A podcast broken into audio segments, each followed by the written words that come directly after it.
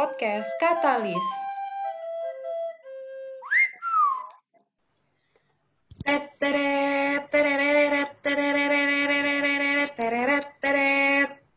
Teng teng teng teng. Teng teng teng teng. teteret, Tet tet tet tet. tetetetet. Oke, halo sobat Katalis.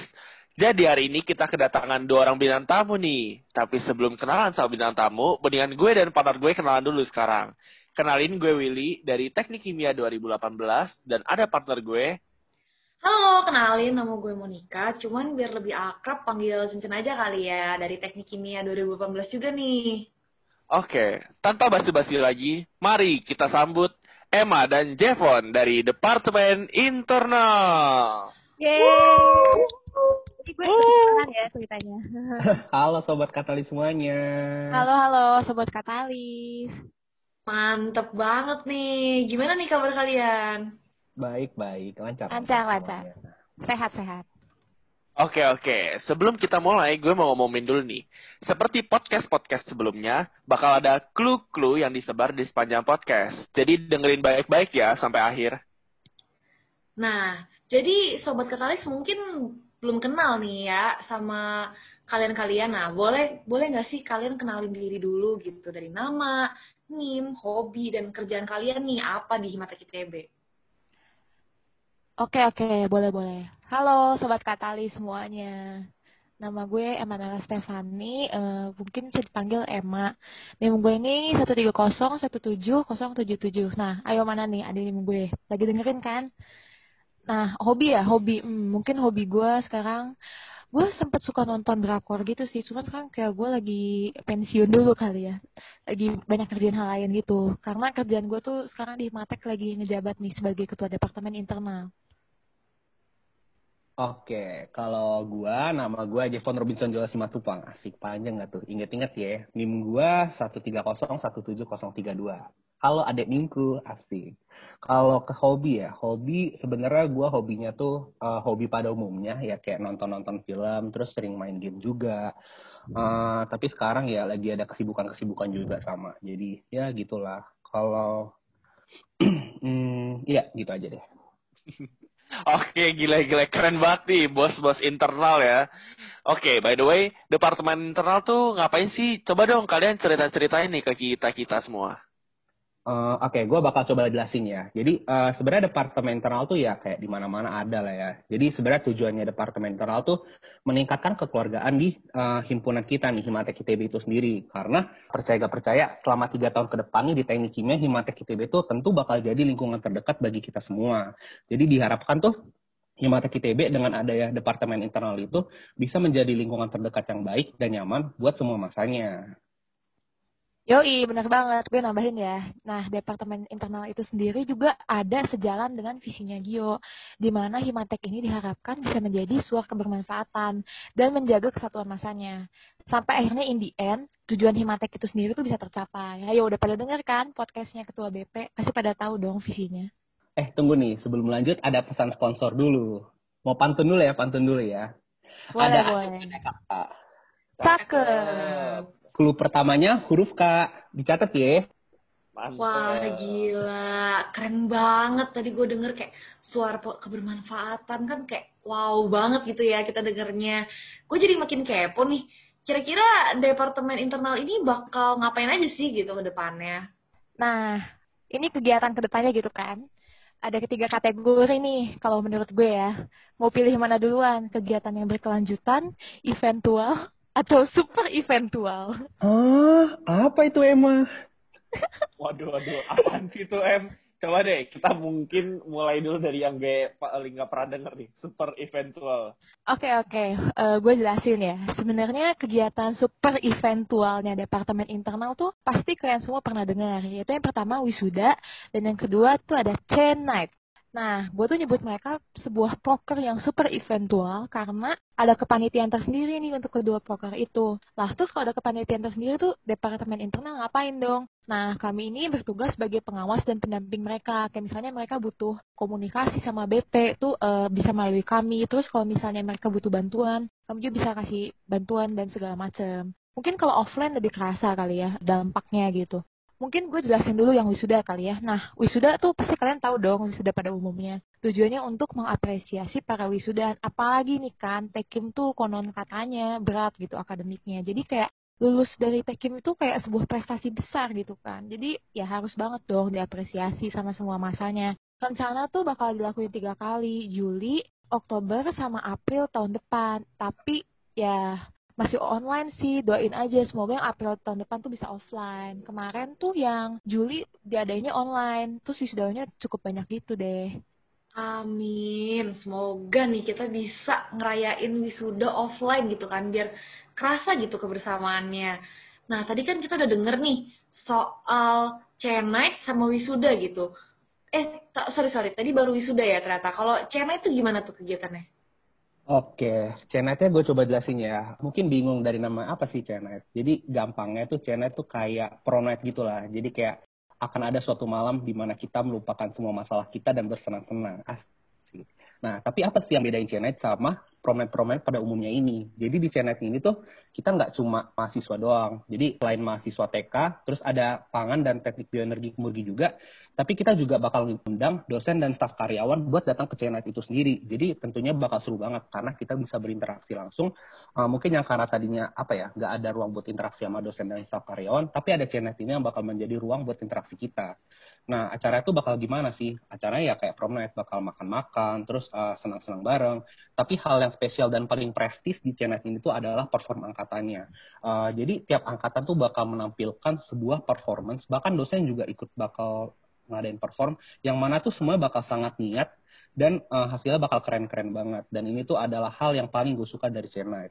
Nah, jadi tuh kalau pengadaannya sendiri biasanya tuh diadakan antara bulan Februari sampai Maret. Tapi karena setelah yang apa? Karena lagi pandemi ada kemungkinan online nih. Tapi kalau menurut gue sendiri sih gue pengennya offline sih. Karena kayak tadi acara perform gitu sayang banget gak sih kalau acara online. Nah gitu sih kalau channel dari gue. Aduh, aduh, keren banget sih channel keren parah. Jadi kangen sih, aduh semoga aja ya bisa offline. Aduh, gue juga jadi kangen banget nih ya sama channel gitu kan. Tapi kita lanjut aja kali ya. Tadi kan udah proker yang super eventual nih. Kalau proker yang eventual, kegiatannya ngapain aja tuh? Oke, nah tadi proker super eventual, sekarang proker eventual. Jadi proker eventual tuh yang dilaksanakan sekali-sekali dan nggak berkelanjutan gitu. Nah, bersiap-siap ya karena namanya ini bakal nama-nama Disney banget dan lucu-lucu. Tapi ada filosof filosofinya juga nih teman-teman Katalis. Apa sih filosofinya? Jadi kan Departemen Internal ini ingin membawakan suasana kekeluargaan yang hangat dan menyenangkan gitu kan. Nah, karena itu kami bikin nama-nama proker itu pakai nama-nama karakter Disney. Karena Disney itu identik dengan happy-happy gitu kan. Enggak juga sih, tapi oke okay lah happy-happy. Nah, jadi tuh ada tiga proker eventual yang bakal departemen internal bawain pada pengurusan kali ini. Namanya pertama Aladin, yaitu habis liburan kita dinner dan bermain. Loh, loh, lucu banget semua namanya, nama-nama Disney gitu. BTW Aladin tuh kira-kira apa sih sebenarnya? Nah, Aladin itu acara kumpul-kumpul yang diadain di setiap awal semester. Jadi bakal dilaksanain dua kali, awal semester ganjil dan genap. Kan biasanya tuh abis liburan panjang nih, pasti kayak apa ya, udah lupa nih teman-teman siapa nggak juga ya kayak, tapi udah apa ya, jarang pasti jarang lah ketemu gitu kan terus kangen tapi takut takut awkward gitu dalam agak ketemu. Nah oleh karena itu kami dari departemen internal ngadain acara yang namanya Aladin ini dengan tujuan mengakrabkan kembali uh, teman-teman Himatek yang udah lama berlibur dan jarang bertemu kayak gitu. Oh ya untuk Aladin yang terdekat nih uh, Aladin ini salah satu proker yang bakal uh, terdekat nih jadi Aladin pada semester ganjil ini selain untuk mendekatkan masa yang sudah lama berlibur, tujuannya yaitu menyambut kalian di sobat-sobat katalis, yaitu teknik kimia 2019.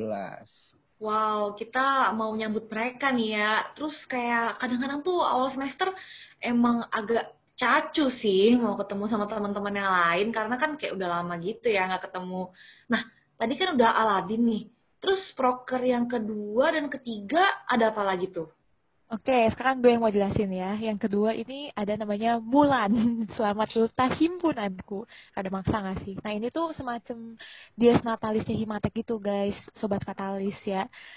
pada tahu kan dia Natalis apa. Jadi kayak semacam acara syukuran gitu, seru-seruan untuk ngerayain ultah himpunan kita tercinta. Nah, diharapkan masa itu selain lebih cinta sama Himatek tuh bisa lebih cinta juga sama masanya gitu. Cia. Kegiatan eventual ketiga itu ada namanya Cinderella atau cimpi-cimpian perda elah. Lucu banget kan namanya namanya aneh tapi ya maaf ya.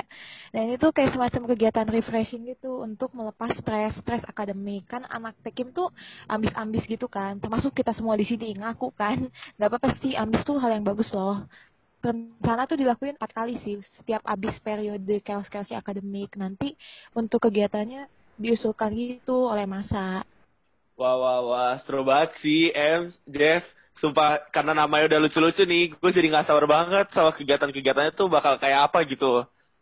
Terus terakhir-terakhir nih, kalau kegiatan yang berkelanjutan tuh maksudnya apa ya? Nah, oke, okay. berkelanjutan atau bahasa Inggrisnya sustainable asik. Kayak apa sih sustainable hmm. gitu tuh? Nah, jadi tuh uh, proker yang berkelanjutan ini tuh uh, intinya apa ya? Yang dilakukan terus-menerus sepanjang kepengurusan internal uh, kepengurusan BP kali ini. Nah, jadi apa sih yang sebenarnya mau dibawain pada proker berkelanjutan ini? Jadi sebenarnya nilai yang pengen ditekanin oleh Departemen Internal itu adalah personal approach. Kenapa sih Departemen Internal pengen nekanin personal approach ini?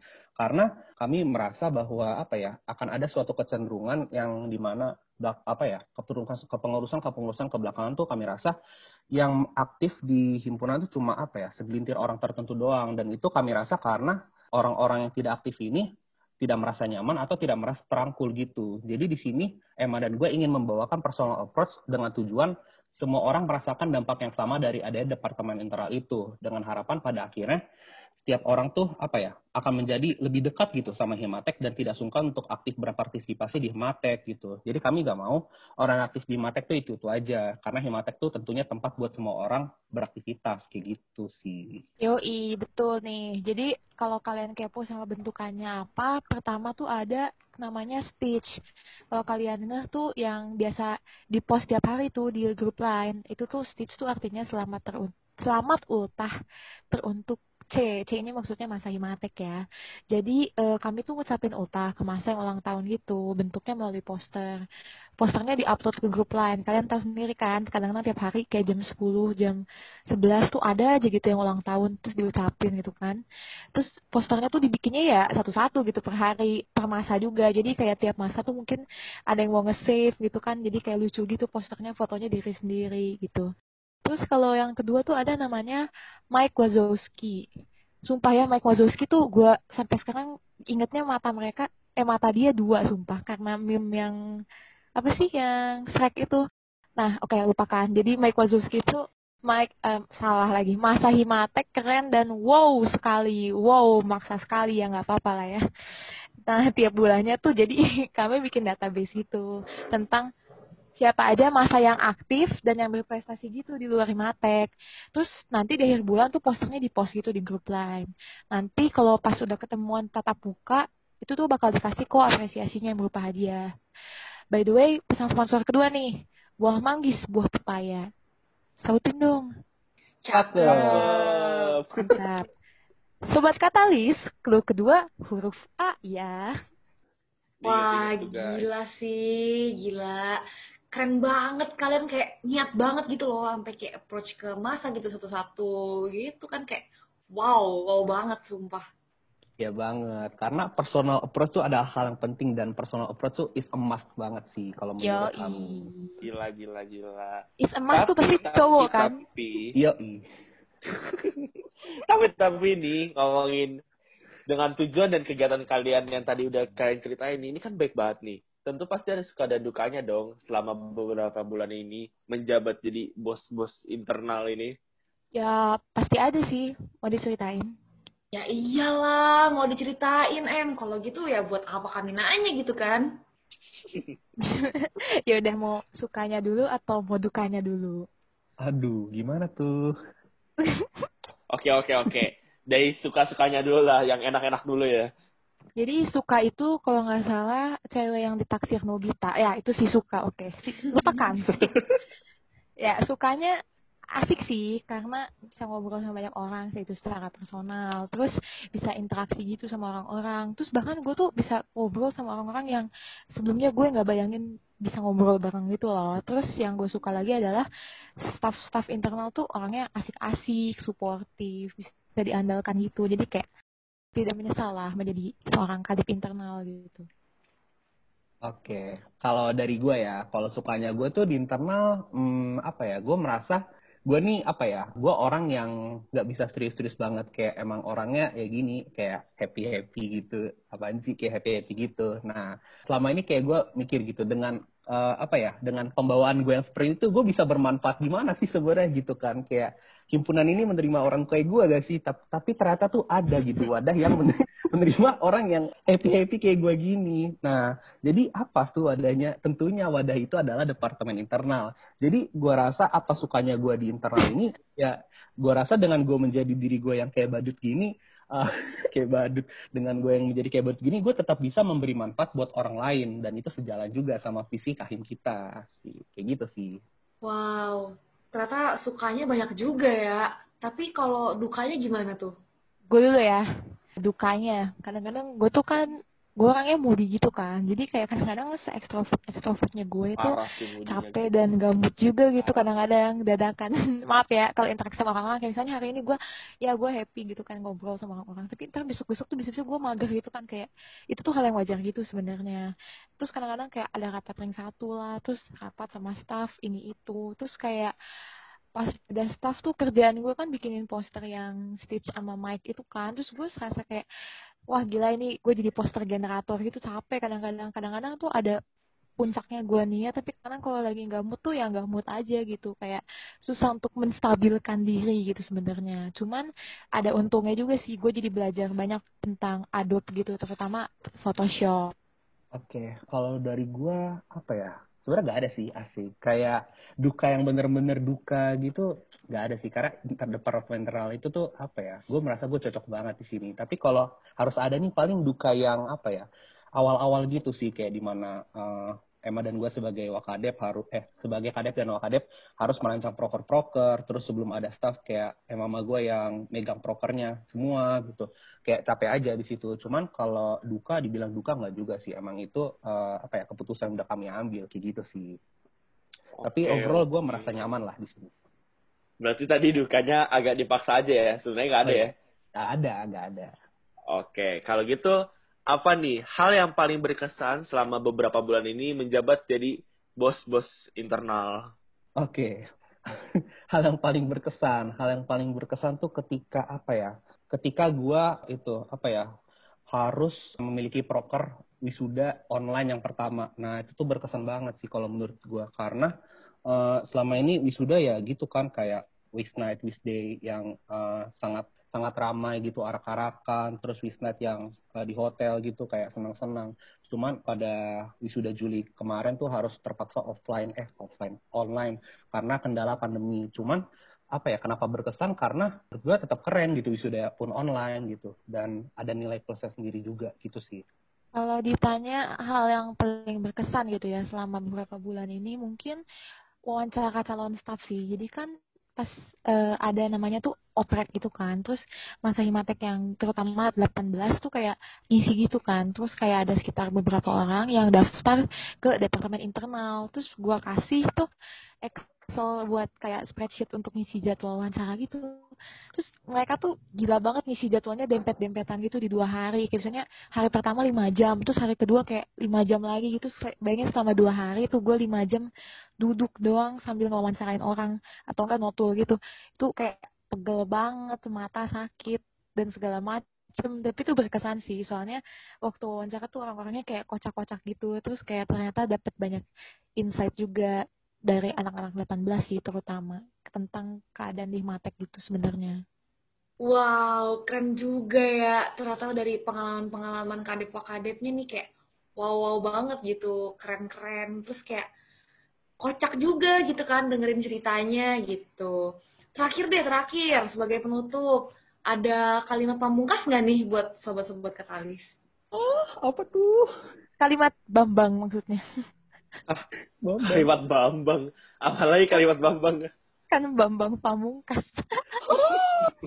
Apa sih? Iya iya iya boleh deh kalimat Bambang apalah itu. Oke oke, kalau dari gue ya, eh, mungkin untuk sobat katalis semuanya, kalian kan baru nih masuk ke akan masuk ke Himatek ITB, tapi kan udah melewati satu tahun nih di ITB, jadi ke depannya mungkin kalian lakuin aja hal-hal yang mau kalian lakuin gitu, mulai dari akademik, di luar akademik, apa pun itu, karena ngerjain hal-hal itu tuh gak ada ruginya gitu, jangan sampai tuh kalian malah nyesel karena gak melakukan hal-hal yang kalian inginkan. Tapi ingat ya tetap berada di jalan yang baik dan benar gitu.